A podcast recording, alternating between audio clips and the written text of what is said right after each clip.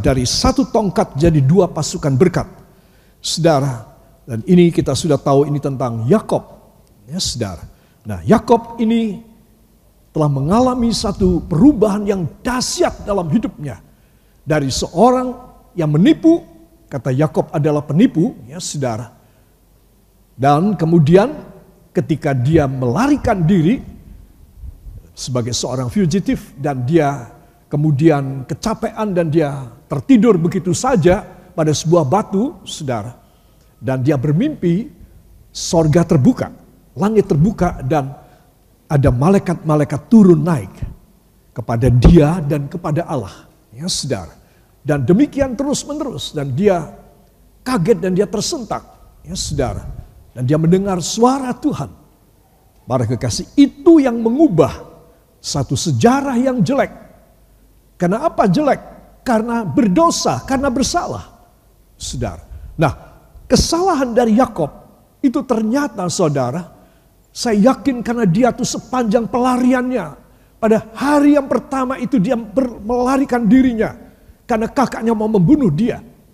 Ya saudara, saya yakin setiap langkah, setiap dia sadar dia selalu berkata ampuni aku Tuhan. Aku telah bersalah kepadamu dan juga kepada ayahku.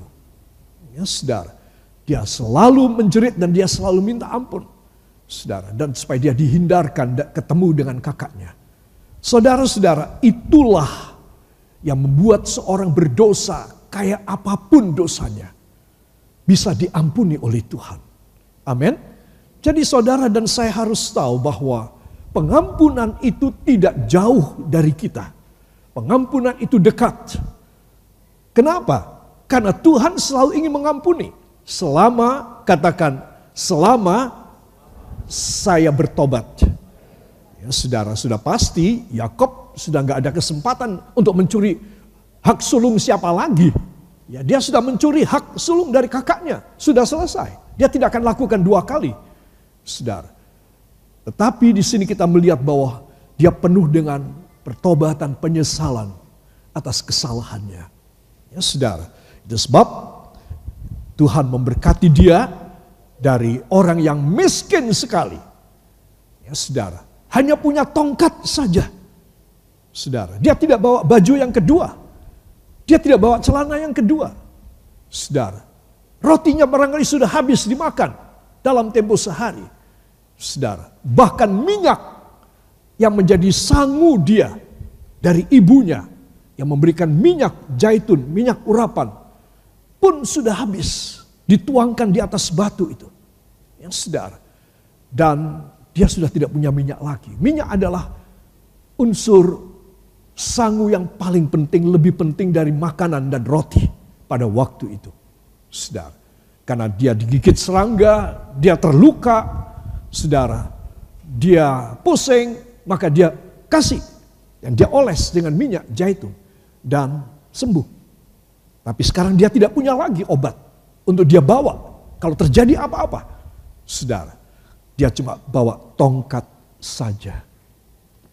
Bawa apa, saudara? Tongkat ini saja. Dia cuma bawa tongkat saja. Saudara, itu sebab dengan tongkat satu ini menjadi dua pasukan setelah dia bekerja banting tulang di rumah omnya Laban selama 21 tahun. Saudara, masa yang sangat panjang, ya, saudara. Dan Tuhan memberkati dia dengan luar biasa. Apa sebab? Karena itu tadi saya bilang, seorang yang berdosa kemudian bertobat, maka Tuhan bisa memberkati dia luar biasa. Amin. Ya, jadi itu penting sekali. Nah, Saudara, sebab ayat yang kita akan baca adalah dari Kejadian 32 ayat yang ke-10. Satu, dua. Sekali-kali aku tidak layak untuk menerima segala kasih dan kesetiaan yang engkau tunjukkan kepada hambamu ini. Sebab aku membawa, sebab aku membawa hanya tongkatku ini waktu aku menyeberangi sungai Yordan ini.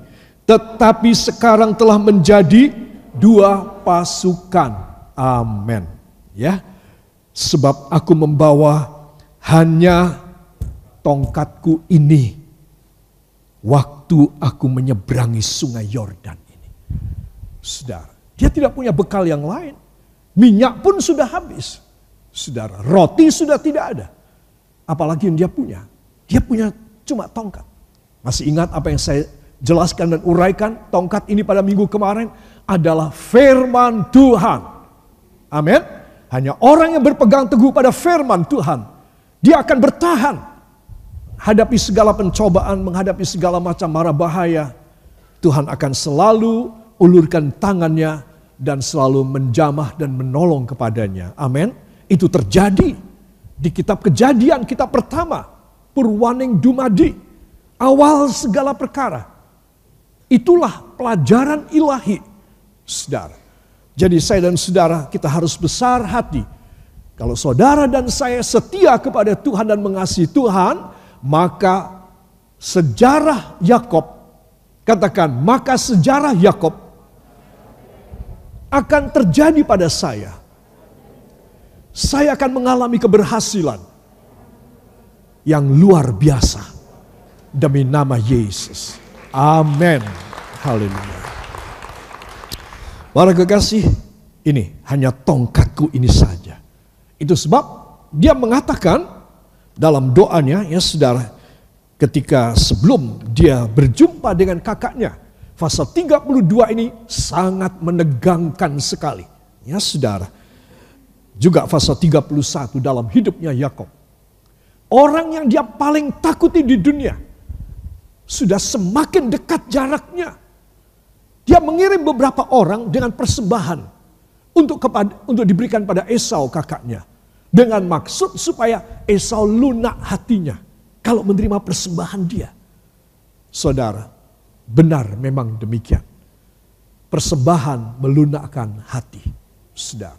Itu sebab dia mengirim tidak sedikit dia kirim perhiasan-perhiasan, dia kirim ternak-ternak. Saudara, dia kirim barang-barang. Kakaknya berkata, kamu dari mana? Bawa barang apa saja ini? Kami utusan dari adikmu Yakob. Yang kami disuruh menghantar persembahan ini kepada tuanku. Karena adikmu Yakob takut ketemu engkau. Saudara. Jadi tolong diterima ini persembahan. Tidak, bawa pulang lagi. Aku sudah lebih dari kaya. Bawa pulang. Saudara, tidak. Kalau aku pulang membawa kembali barang-barang ini semua, aku pasti dihukum. Kiranya Tuhan menerimanya. Saudara, di sini kita melihat bahwa Yakob saking takutnya sampai dia kirim persembahan lebih dulu. Tapi dia tahu berhasil apa tidak hati kakaknya bisa dilembutkan apa tidak. Saudara, jangan khawatir. Kalau saudara sungguh-sungguh bertobat dan mendekat kepada Tuhan, saudara, saudara pikir itu sesuatu hal yang mustahil. Yakob juga berpikir mustahil kakaknya bisa berubah pikiran. Dia sudah terlanjur membayar 400 tentara bayaran. Tidak main-main berapa duit. Jadi tidak mungkin kakaknya berubah pikiran. Saudara, itu sebab dia sudah pasrah kepada Tuhan. Saudara, dari ayat 1 pasal 31 Yakob melanjutkan perjalanannya lalu bertemulah malaikat-malaikat Allah dengan dia. Saudara, dalam satu keadaan yang sangat-sangat khawatir dan takut. Yang sangat-sangat menegangkan dalam hidupnya. Saudara, bukan hanya Tuhan memberi kekuatan dia membawa tongkat ini terus, tetapi Tuhan mengutus malaikat-malaikat, mungkin malaikat yang lain, mungkin malaikat yang sama, yang dia lihat dalam mimpinya ketika sorga terbuka. Yang jelas Tuhan mengutus malaikat-malaikat bukan naik turun lagi, tetapi malaikat-malaikat itu berjalan di dekatnya Yakob. Saudara, apa yang kau akan katakan kalau malaikat itu berjalan di sampingmu? Saudara, Yakob dia tercengang dan dia tidak bisa bicara apa pun. Dia melihat malaikat-malaikat itu lewat begitu banyak dan kemudian menghilang. Dan dia tahu Tuhan mengutus malaikatnya. Bukan untuk naik turun lagi, tetapi untuk berjalan bersama aku sekarang. Itu sebab dia menamai tempat di mana dia melihat malaikat dengan kata dengan nama Mahanaim. Katakan Mahanaim. Saudara, setelah itu apa yang kita baca dalam fase yang ke-10, Yakob berdoa. Ya, saudara. Dalam ayat yang ke-9, kemudian berkatalah Yakob, "Ya Allah, nenekku Abraham dan Allah ayahku Eska, ya Tuhan yang telah berfirman kepadaku, pulanglah ke negerimu serta kepada sanak saudaramu dan aku akan berbuat baik kepadamu sekali-kali. Aku tidak layak untuk menerima segala kasih dan kesetiaan yang engkau tunjukkan kepada hambamu ini. Sebab aku membawa hanya tongkatku ini waktu aku menyeberangi sungai Yordan ini. Tetapi sekarang telah menjadi dua pasukan. Amin. Saudara yang kekasih perhatikan. Ini adalah doa dari seorang yang sekarang berubah. Sudah melihat malaikat, besar hatinya, saudara. Dan dia menunjukkan satu pengabdian, satu kerendahan hati. Memang sekarang aku punya dua pasukan. Tetapi Tuhan, aku menyadari ketika aku melarikan diri dari Berseba, dari rumah orang tuaku, menuju ke Haran di tanah Kanaan kepada omku untuk melarikan diri dan bekerja kepadanya. Aku itu cuma bawa satu tongkat saja. Itu sebab aku tidak layak untuk hal yang sekecil apa pun dari anugerahmu. Saudara, saya suka karena Yakob tetap rendah hati. Kalau saudara bisa tetap rendah hati, berkat bisa terus diberikan kepada saudara. Tapi kalau saya dan saudara mulai sombong dan congkak, Tuhan akan cabut berkat tersebut. Ini pelajaran yang penting sekali. Kenapa banyak anak-anak Tuhan hanya sementara waktu diberkati? Karena apa?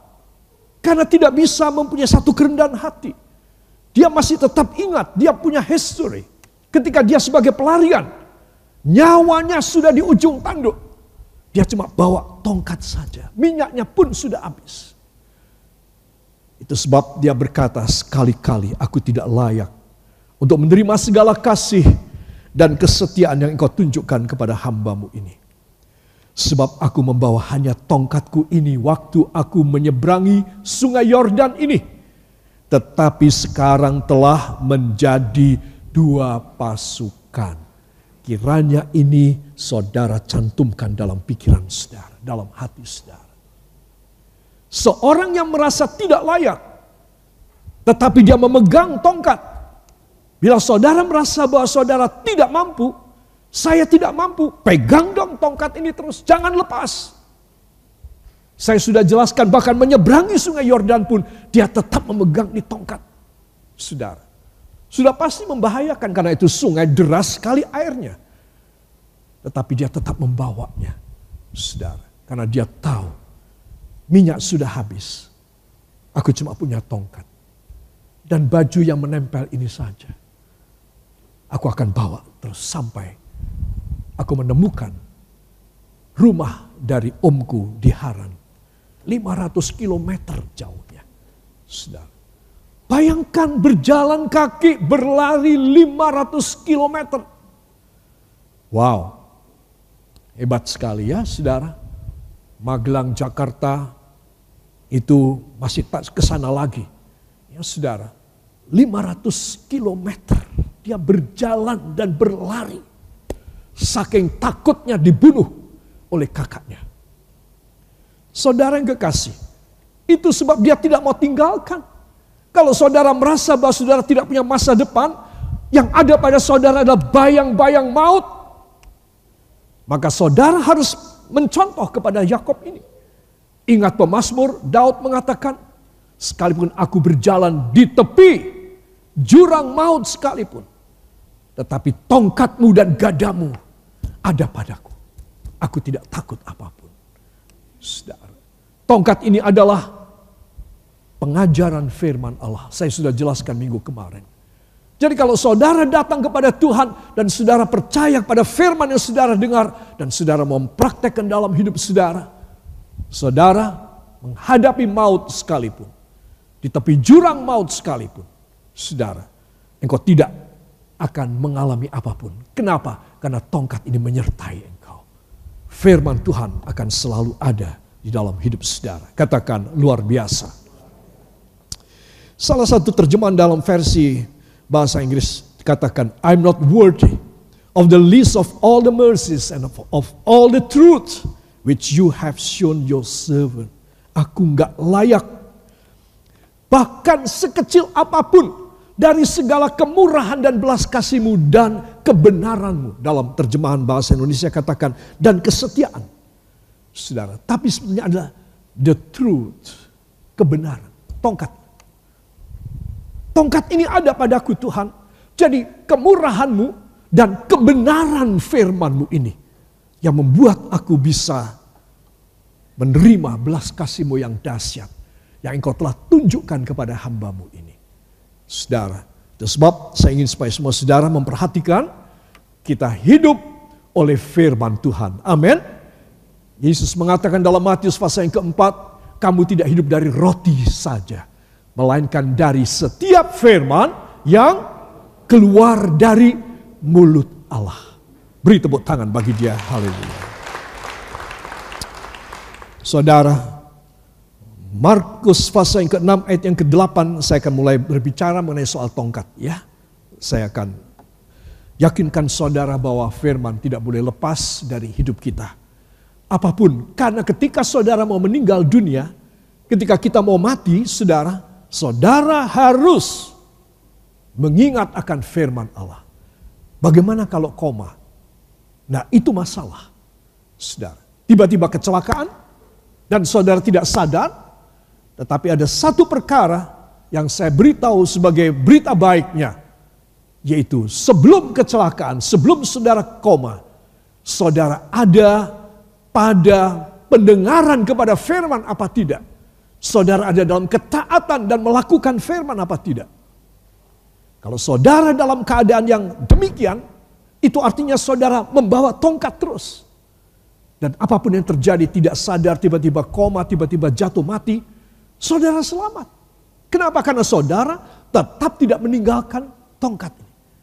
Kecuali seseorang melanggar firman itu artinya dia melepas ini tongkat. Dan dia tidak memegang tongkat ini terus. Dia berbuat dosa dan dia mati, dia koma, ya sudah, terhilanglah. Mau apa lagi? Saudara, itu sebab penting sekali. Saudara, itu sebab tongkat ini, katakan tongkat ini, yaitu pengajaran firman, harus seumur hidup saya pegang. Amin. Markus pasal yang ke-6 ayat yang ke-8 kita akan baca bersama. Satu, dua dan berpesan kepada mereka supaya jangan membawa apa-apa dalam perjalanan mereka kecuali kecuali roti pun jangan uang pun dalam ikat pinggang pun jangan ya jangan bawa saudara ya jangan bawa apa-apa ya saya tulis apa-apa beda ya kecuali tongkat roti pun jangan Uang dalam ikat pinggang pun jangan. Ya, saudara. Jadi saudara tahu bahwa tongkat ini dahsyat sekali. 12 murid dikirim oleh Tuhan pergi. Ya, saudara. Dan murid-murid semua pulang memberikan laporan kepada Tuhan. Luar biasa karena mereka membawa tongkat. Masing-masing bawa tongkat.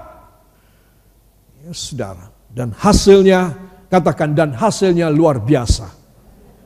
Segala pekerjaan iblis pekerjaan setan dihancurkan, penyakit disembuhkan, iblis diusir keluar.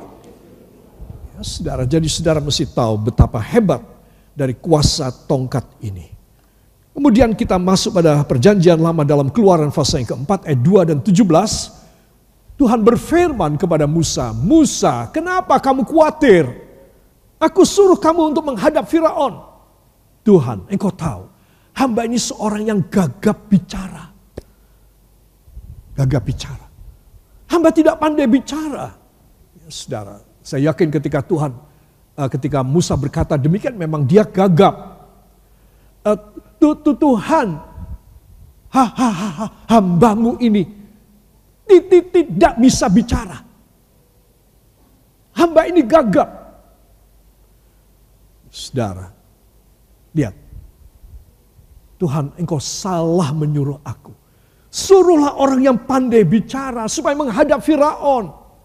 Jangan hambamu ini. Saudara, untuk itu Tuhan berkata, apa yang ada di tanganmu? Tongkat Tuhan, lempar. Dilempar nih tongkat menjadi ular. Dan Musa ketakutan. Jangan takut. Pegang ekornya. Ekor itu bahasa Jawa apa? Oh ya, dari situ keluar kata sop buntut ya. Pegang buntutnya dan dipegang menjadi tongkat lagi. Nah, dengan tongkat inilah kamu akan melakukan keajaiban. Pergi, walaupun kamu gagap, kamu bisa melakukan mujizat. Orang yang memegang firman Tuhan bisa melakukan titik-titik mujizat dalam hidupnya.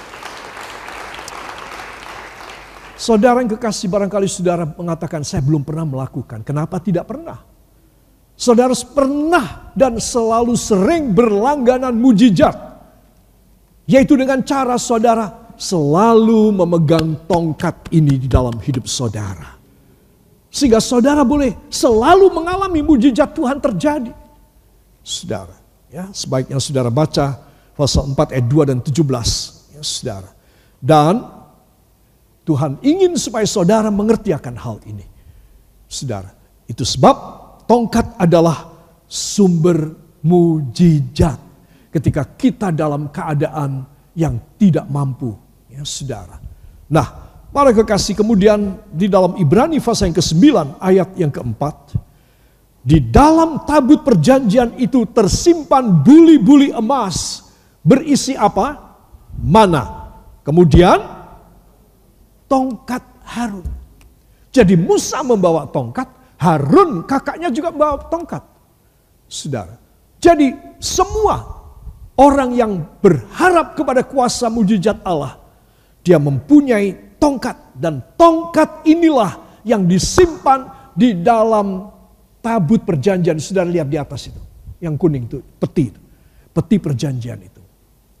Sebuah buli-buli emas berisi mana mana yang tempo dulu jatuh di uh, di padang pasir untuk makanan orang-orang Israel bersama dengan tongkat Harun ya saudara yang bertunas dan dua loh batu yang berisi sepuluh hukum Taurat. Tiga benda ini dimasukkan dalam peti itu. Saudara. Jadi kalau saya dan saudara mengerti akan hal ini, maka saudara tahu betapa pentingnya orang mengerti firman. Orang percaya kepada firman. Orang berpegang terus-menerus dengan firman. Jangan sampai ketipu dengan bisikan. Dengan perkataan iblis, perkataan teman saudara, famili saudara, orang tua saudara, anak saudara, istri atau suami saudara, atau bos saudara. Engkau harus hanya percaya kepada perkataan firman Allah saja maka engkau akan save. Katakan, maka saya akan save. Saya akan melakukan mujizat. Boleh saya tahu siapa yang percaya bahwa dia bisa melakukan firman, melakukan mujizat? Tolong angkat tangannya. Katakan, Tuhan Yesus, hamba mau belajar untuk melakukan mujizat. Bukan sekedar jadi orang Kristen. Tanpa mujizat. Tetapi seorang anak Tuhan yang bisa melakukan mujizat melalui tongkat ini, yaitu pengertian firman yang tidak berubah, yang membuat segala perkara yang ajaib di dalam hidup manusia. Angkat tangan, angkat dua tangan dan ucapkan terima kasih kepadanya. Terima kasih Bapa. Terima kasih Yesus. Terima kasih Roh Kudus. Sekali lagi lebih keras. Terima kasih Bapa. Terima kasih Yesus. Terima kasih Roh Kudus. Beri kemuliaan yang baik bagi dia. Haleluya.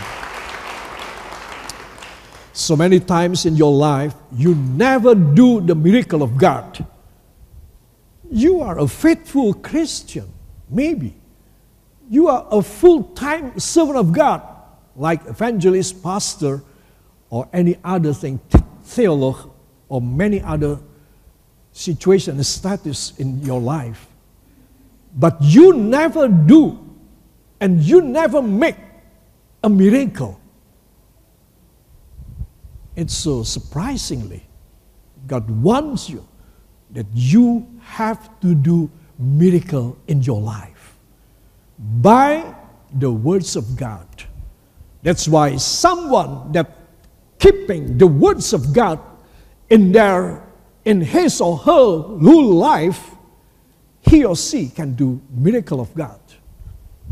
Itu sebab anak-anak Tuhan jangan menjadi seorang orang Kristen biasa.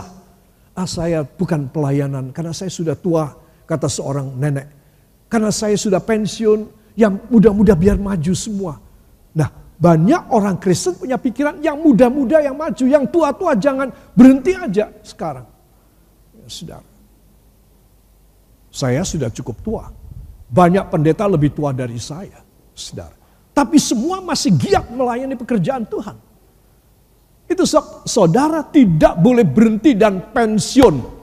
Karena saudara mau dipakai Tuhan untuk melakukan mujizat bagi orang-orang lain dan bagi diri saudara sendiri. Saudara, orang yang tidak pernah melakukan mujizat, hidupnya ketar-ketir terus apa-apa takut, apa-apa khawatir, apa-apa nangis, apa-apa dalam keadaan yang kecut hatinya dan kecil sekali jiwanya. Saudara, punyailah tongkat.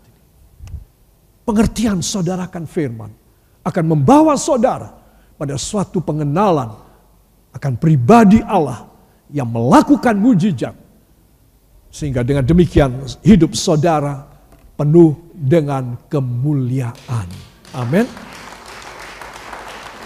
Angkat tangan saudara kembali taruh tangan kiri pada jantung saudara.